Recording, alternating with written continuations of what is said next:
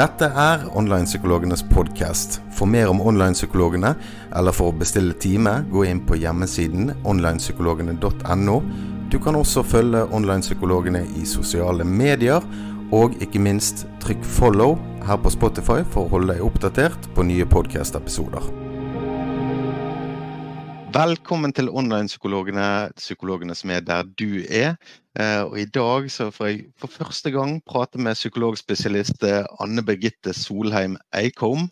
Eh, hei, Anne Birgitte. Hei, hei. Ja. Og nå skal vi prate om noe som, er, som jeg lurer på. Da. Er det bedragersyndromet, eller er det kulere på engelsk imposter syndrome? Ja, det høres jo litt kulere ut på engelsk. Eh, men er det liksom Prøver vi på en måte liksom å være tøffere enn det vi egentlig er når vi kaller det imposter syndrome? Ja, det er liksom det, sant. Men det, eh, altså, jeg har jo litt eh, tanker rundt dette. Men hva, hva tenker du først og fremst er imposter syndrome, eller bedragersyndromet. Ja. Altså, bedragersyndromet er på en måte et fenomen, eller det er jo ingen lidelse, men det er noe som skjer når jeg har en redsel for at jeg skal bli avslørt. Og altså, Denne redselen for å bli avslørt er jo ofte at jeg er redd for at jeg blir vurdert å ikke være kompetent nok til det jeg holder på med. Mm. Det er nok litt sånn typisk i eh, situasjoner eller jobber hvor en krever mye kompetanse. Det kan være en artist, eller det kan være eh, en foredragsholder, eller en leder, eller bare en vanlig ansatt. Men, men når det på en måte eh, det, det, det, er noen krav, det er noen forventninger, så, så kan vi liksom havne i en situasjon hvor vi liksom Å, er jeg god nok til dette? Mm. Ja, for jeg har jo kjent litt på, på dette sjøl. Eh, altså mm. akkurat sånn, men da, var det mer sånn, sånn, gjennomgangsgreie i livet. da, ja. Altså det at det, å ikke være god nok. Og det er jo ikke en god følelse å gå rundt med. og eh, Det var jo ting jeg kunne gjøre med det. da, eh, Men når man går litt der i underlege og sånt, så da kjente jeg på at det ofte kunne være noen katastrofetanker òg. Mm. Er det sånn som følger med, med dette her? Ja. For ofte så kan det være altså, Jeg husker godt sjøl når jeg begynte å jobbe som psykolog og var ganske fersk, så tenker jeg oi, kan jeg gjøre dette her? På et tidspunkt så gikk jeg rundt og tenkte når er det noen som kommer inn og sier Oi, gjør du disse vanskelige tingene? Det skal ikke du gjøre, du er ikke så flink. Eh, og, og, da er det jo en sånn Det vil være utrolig flaut hvis noen kom og sa som voksen nei, dette kan du ikke, du, du er ikke god nok. Kanskje er det fordi at jeg, har ei storesøster som på en måte det er en sånn lillesøstersyndrom. Men, men, men, det er jo mer enn bare det. Men det er den redselen for at noen sier du får ikke lov å være med, eller dette er du ikke god nok til. Mm. For hva vil skje hvis noen sier det? Ja. Konsekvensen av at noen kommer og sier Anne Birgitte, eh, dette det kan ikke du gjøre. Det vil jo bare være så utrolig ydmykende. Ja, og, men, men, når du sa det, så, så lo jeg litt eh, av meg sjøl, da. For dette, eh, det der skulle jo kanskje jeg tenkt på òg. For hvis noen hadde sagt noe sånt i, enkelte tilfeller, så ville det vært veldig uh, usaklig, rett og slett. Ja. Altså, det, det, det, er jo ikke sånn folk vil fremtre heller, og så si det at uh, André, dette er elendig, eller altså den, den direkte Iallfall ikke på en arbeidsplass. Det er jo langt over grensen. Eh, da vil du si at det er lederen eller kollegaen som har en utfordring. Gjerne ikke, ikke den som kjenner på å ikke være god nok. Eh, så det er jo noe å tenke på hvordan du kan bryte ned litt dette her eh, i egne tanker, bare med det du sa der, da. Mm. Ja, og så er det denne tanken om Altså, hva, hva, er det, hva, er det, jeg egentlig skal gjøre? Hva er forventningene til mm. hva nivå er det jeg skal levere på? Um, høsten 2020 så begynte jeg i ny jobb, og det å gå fra å ha en jobb som jeg mestrer ganske godt, til å liksom bytte helt eh, marked Altså jeg jobbet i en klinisk hverdag, og så begynte jeg på høyskole. Og det å skulle stå i klasserommet og forelese, det var som å skulle opp til muntlig eksamen gjentatte ganger hver uke. Og denne følelsen av liksom åh, men jeg må levere bra. Sant? Det skal være så mm. sykt bra. Så jeg husker jeg hadde en kollega som kom inn og så sa han, vet du hva. Du skal tenke at dette her er noe du skal gjøre hele veien. Du kan ikke tenke at du skal liksom ha en sånn topp ti forelesning hver gang. Du, du, må legge deg på en femmer. Det er ikke mm. bærekraftig å tenke at du skal imponere. Er ikke, du, du, er her fordi at du skal støtte studentene i det de skal lære. Mm. Du, du, skal liksom ikke briljere og um, Ja. For, mm. fordi det, det, funker ikke når du gjør det flere ganger i ukene. Mm. Nei, og um, også litt sånn som jeg måtte jobbe med det, var jo det at uh, altså, det handler jo ikke alltid om meg heller Uh, i dette her. sant? Altså rundt der. Og så er det utrolig strevsomt. altså Jeg kunne kvie meg mye. jeg kunne Nå sier ikke jeg at jeg lider av bedragersyndromet, men eh, det høres veldig likt ut etter du har fortalt meg litt om det.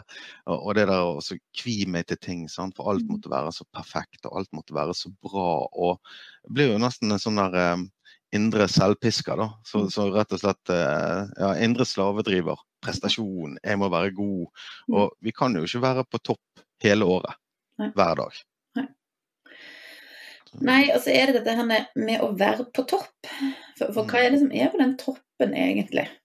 Jeg tror at vi òg lurer oss sjøl til å tenke at mm. eh, når vi bare er på toppen, så, så er det bra. Eh, mm. jeg husker Jeg tror jeg gikk på ungdomsskolen eller videregående, så var det en en av disse fjellklatrerne som liksom hadde klatra på verdens høyeste fjell, som ble spurt ja, ja når du kom til toppen, hva, hva, hva var det der da? Og så sier han ja, jeg kom på toppen, så var det ingenting. Og, og, det tror jeg nok er noe av det som har fulgt meg. For, for som personlighetstype så er nok jeg og Jeg skårer nok ganske høyt på perfeksjonisme. Altså, det betyr ikke at jeg aldri har det rodet, for jeg er god til å rote, men, men, jeg har ganske høye krav til meg sjøl min indre standard, den, den lista ligger litt høyt. Og det er jo noe av det som driver meg framover, som gjør at eh, prestasjoner har vært gode. Sant? For å på en måte prestere og for, for å liksom gjøre det bra, så krever det at jeg har en indre drive. Sant? Sånn som du sa i stad, denne indre slavedriveren som kanskje pisker meg fremover videre. Eh, så, så, det er jo noe positivt. Det er jo noe som gjør at vi kan oppnå noe. Vi, vi kan gjøre ting bedre. Samtidig så er liksom baksida er jo det denne kritikken. sant? Eh, denne hele veien tenker at det er ikke godt nok. Det kan bli bedre, det skal bli raskere, det skal bli flinkere. flinkere. så gjør at vi eh, Ja, denne indre kritikeren, da. At denne mm. slavedriveren ikke alltid er så snill.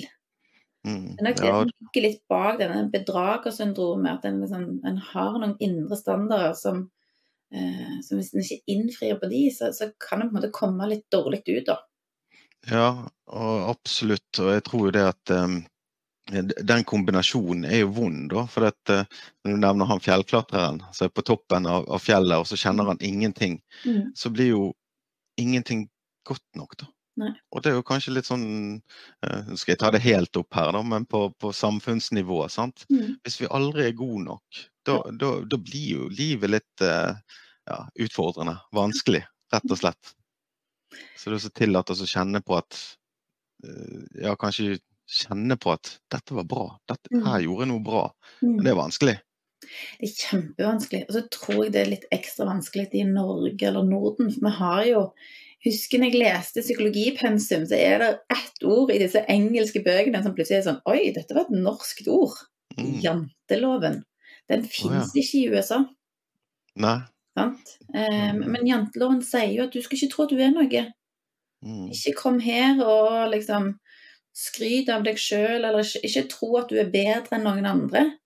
Mm. Eh, og det gjør jo òg at sant, når vi på en måte da er så opptatt av å prestere, er så opptatt av å gjøre ting bra, samtidig som vi ikke kan være stolte over det vi får til. Mm. Det, da, vi skal ikke skryte av oss sjøl, sant. Mm. Og da tenker jeg, det, Vi liker jo alle ros litt. Grann, da. Jeg, egentlig så liker jeg ros, men det er så vanskelig å motta det. der, sant? Og da gjerne sånn Nei, men det var ikke meg, det var deg. sant? Mm. Og, og, eh, og, da også lære seg, sånn som meg, da, å si tusen takk. Ja. Eh, det, det, til og med det er vanskelig, altså. Når, når noen vil si noe. Og da, da fratar jeg på en måte Jeg syns jo det er en glede å få gi ros. Mm. Mm. Så fratar det er jo egentlig to, to tap der. Ja. Den andre får ikke gi meg ros, mm. og jeg tar den ikke til meg. sant? Mm. For det, det er faktisk ikke uten betydning hvordan du reagerer når noen gir deg ros. For det, hvis jeg hadde sagt å André, det var så fint å snakke med deg i dag, sant? Så sier du at du tar fra meg den gleden. Men, men når du sier nei, jeg, jeg kunne heller gjort sånn, eller jeg skulle ønske at jeg heller var sånn og sånn, eller beklage hvis jeg ikke var nok på. Sant? At du Mm. har noen sånne unnskyldninger. Så det som skjer, er jo én ting at du på en måte drar ned min opplevelse av det. Mm. Eh, men det andre òg er når jeg, når jeg sier sånne ting sjøl, så, så går jeg i minus på innsida. Mm. Eh, så det å være litt bevisst på hva, hva er på en måte min indre dialog når jeg gjør noen ting.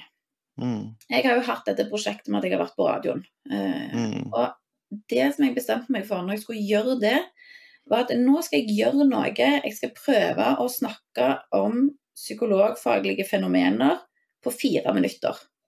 For en psykolog så er det nesten umulig. Sant? Akkurat som for politikere, det, hvis du kan få et minutt. Sant? Det går ikke, det. Nei, sant? Så, så det er liksom sånn Så jeg visste at det, nå skal jeg gjøre noe. For det første, så det skal være live. Sant? Eh, og du ser ikke de som hører på, så du, du har ingen sånn Du vet ikke hvor, hvordan dette faller ned hos de andre. Du kan ikke justere deg, for du har Altså, det som skjer på de fire minuttene, det, det er det som skjer. Så jeg bestemte meg når jeg skulle inn i det prosjektet, at hver gang så skulle jeg være fornøyd med det jeg hadde gjort. Og jeg skulle tillate meg sjøl å være imponert. Mm. Og det har vært kjempeviktig. Mm. Og det, fakt det, og det har jeg klart. Sant? Eh, I begynnelsen så var jeg mye mer bevisst på det enn det jeg er nå. For det som skjer Mm. nå, nå har vi holdt på i en tre års tid, nå begynner jeg igjen med denne Nå er det ikke noe nytt. Sant? Nå begynner du å få erfaring, så nå begynner jeg å øke forventningene til meg sjøl. Mm. Samtidig som jeg tar vekk den der eh, imponert-sida. Sant? Mm. Og da går jeg faktisk litt i minus. Ja, så dette, man må være litt sånn eh, sin egen regnskapsfører Ja. eh, i forhold til tankene òg. For det, han er positiv og så driver oss fremover, denne her eh, bedrageren, på en måte, da, eller han der.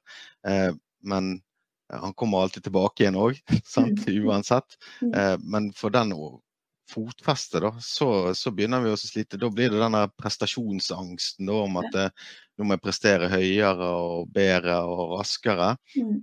Og det det kan jo forplante seg, eh, sånn som jeg nevnte til deg. Jeg husker jeg var på en date med en som Mm. jeg liksom Dette her går ikke bra, og alt. Istedenfor å tenke oi, så kjekt denne, eh, denne damen vil på, på date med meg. Mm. Eh, men da skulle jeg liksom være så så veldig god, og sånn som jeg trodde at uh, jeg måtte være. Uh, hørte aldri noen ting igjen. Sant? For det, vi må jo være genuine. Ja, Det tror jeg det, du, du merker det hvis man ikke er genuin. Eller vi merker det. ja. ja, og det er når vi slutter å være ekte mennesker, Mm. Uh, når vi på en måte møtes Når på en måte fokuset blir på fasade eller på prestasjon eller på hva jeg får til, heller enn hvem jeg er, Mm. så tror jeg at vi taper ekstremt mye i det sosiale, i det mellommenneskelige. Mm. Det som skjer mellom oss. For når vi slutter å være ekte, så skjønner vi jo det. Sant? Mm. Og følelsesuttrykk er påtatte. Det er utrolig mye vanskeligere å forholde seg til. Ja, det er det. Da vet du ikke hvor du er egentlig. Mhm. sant? Og, etterpå sier du at det var dårlig, på en måte. sant? Altså, Ja. eh, at ikke du var fornøyd eller sånt. Ja. Så da blir jeg litt sånn forvirret. Og, og i en verden med sosiale medier og sånt, så er jo det, det er jo litt sånn det perfekte for bedragersyndromet. For der kan du lage din helt egen personlighet også. Mm, mm. Ja, og, og nå drar du jo på en måte bedragersyndromet ut i på en måte der at en faktisk bedrar, for, for det, det er Ja, ikke det bedragersyndromet er, sant? Men, men vi kan jo på en måte, hvis en sier at det, For bedragersyndromet er, er jo en er når jeg er redd for å bli avslørt, selv om jeg ikke har en grunn til å bli redd, være redd for det. sant? Mm, Det, det handler jo ikke om at eh, jeg faktisk gjør noe jeg ikke kan. Men, men det handler om at jeg har en høy indre standard, og så er jeg redd for at jeg ikke innfrir godt nok. Eller, og hvis jeg innfrir, Mm. så skylder jeg på flaks. Ja. Ja. ja, så dette fratar deg hele næringskjeden, på en måte. sant? Og, og det, og, sånn som For å jobbe for oss å få tilbake igjen da, troen på seg sjøl Mm. eh, rundt det, eh, hva tenker du er viktig da, når folk kommer til deg? Ja, da har jeg, har jeg lyst til å si noe som jeg har lært av en av mine tidligere pasienter, som sa det så tydelig. For hun innså at det hun holdt på med, hun, inn, hun sammenligna sin egen innside med andres utside. Mm. Den den sammenligningen, den tapte du alltid. Ja. Altså, det er jo drive personlig omsorgssvikt, på en måte. Ja, Ja. for, for det er helt urimelig å sammenligne. For når jeg sammenligner det som skjer på min side, hvis jeg på en måte skal si noe om min egen nervøsitet, og så vurderer jeg den ut ifra hvor nervøs jeg syns at du ser ut, Mm. så vil jeg jo alltid være mer nervøs sjøl. For Mm. nervøsitet er jo ikke alltid synlig.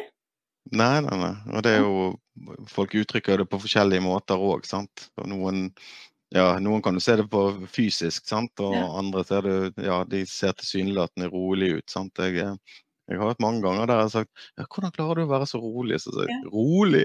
Ja. Skulle sett på innsiden, Ja. liksom. det, det er jo på en måte det vi har. Og så, er det òg det at når jeg holder på med noe, så vet jeg på en måte Kan av og til være så bevisst på alt jeg ikke kan. Mm. Sant? Mens alt det jeg kan, det er jo en bare en sånn selvfølge, eller um, jeg på en måte tar ikke, tar ikke kred nok for det, da. Så det handler ikke om at vi skal gå rundt og bare være krye og stolte og liksom bare heve oss sjøl og se på meg. Sånn, litt sånn som du sa i forhold til sosiale medier, så er det jo Mm. Vi, vi kan jo være frista til å presentere en hverdag der som ser konfliktfri ut. Han ser ut som en bare spiser næringssunn, rik mat. Det er, hele familien er alltid samla, ungene har alltid rene, matchende klær. Altså, det, en kan jo på en måte presentere den, Mm. eh, men det, det blir en litt sånn det å være bevisst på eh, både Jeg tenker vi har alle et ansvar. Hva er det jeg legger ut på sosiale medier? Eh, kan jeg av og til balansere? Kan jeg tåle å legge ut kjøkkenbenken før jeg tar oppvasken? Heller enn etter jeg har styla den ene meteren jeg tar bilde av. Eh, og òg være bevisst på eh, altså Dette bedragersyndromet jeg tenker, Når jeg liksom vet at jeg holder på å sammenligne feil, når jeg sammenligner min side med andres utside, så, så det å være bevisst på det, tror jeg òg hjelper. Mm. Så dette er bevisstgjøring og, eh, og ta litt eh, altså empowerment da, i de tingene man kan, faktisk. Sant? Og så er jo ikke det noe i veien heller for å ikke kunne noe. Nei. Og det går jo veldig godt an å spørre andre du, dette er jeg litt usikker på, Ja. eh, kan du hjelpe meg? Ja. Eh, det, det pleier iallfall jeg å få veldig god respons på. Ja. Og det som er interessant, er at jeg syns det er mye lettere å innrømme ting jeg ikke kan, som er ut forbi mitt fagfelt. Mm. Sant? Eller eh, jeg kan Jeg husker jeg jobbet en plass tidligere hvor det var sånn Å, jeg er ny i jobben, unnskyld, jeg kan ikke. Sant? Mm. Eh, Og da hadde vi en diskusjon på hvor lenge kan du unnskylde med at du er ny i jobben? Hvor lenge kan du bruke den som ene? Hun sa jeg gjør det ennå. Og hadde jobba der i ti år. Så det er noe med på en måte For når jeg liksom kan tåle at jeg ikke kan, Mm. det er jo på en måte det, er jo det mest effektive mot bedragersyndromet. For når jeg begynner å avsløre ting som og dette får jeg ikke til, så, blir det, så mister det jo litt sånn ødeleggende kraft, da.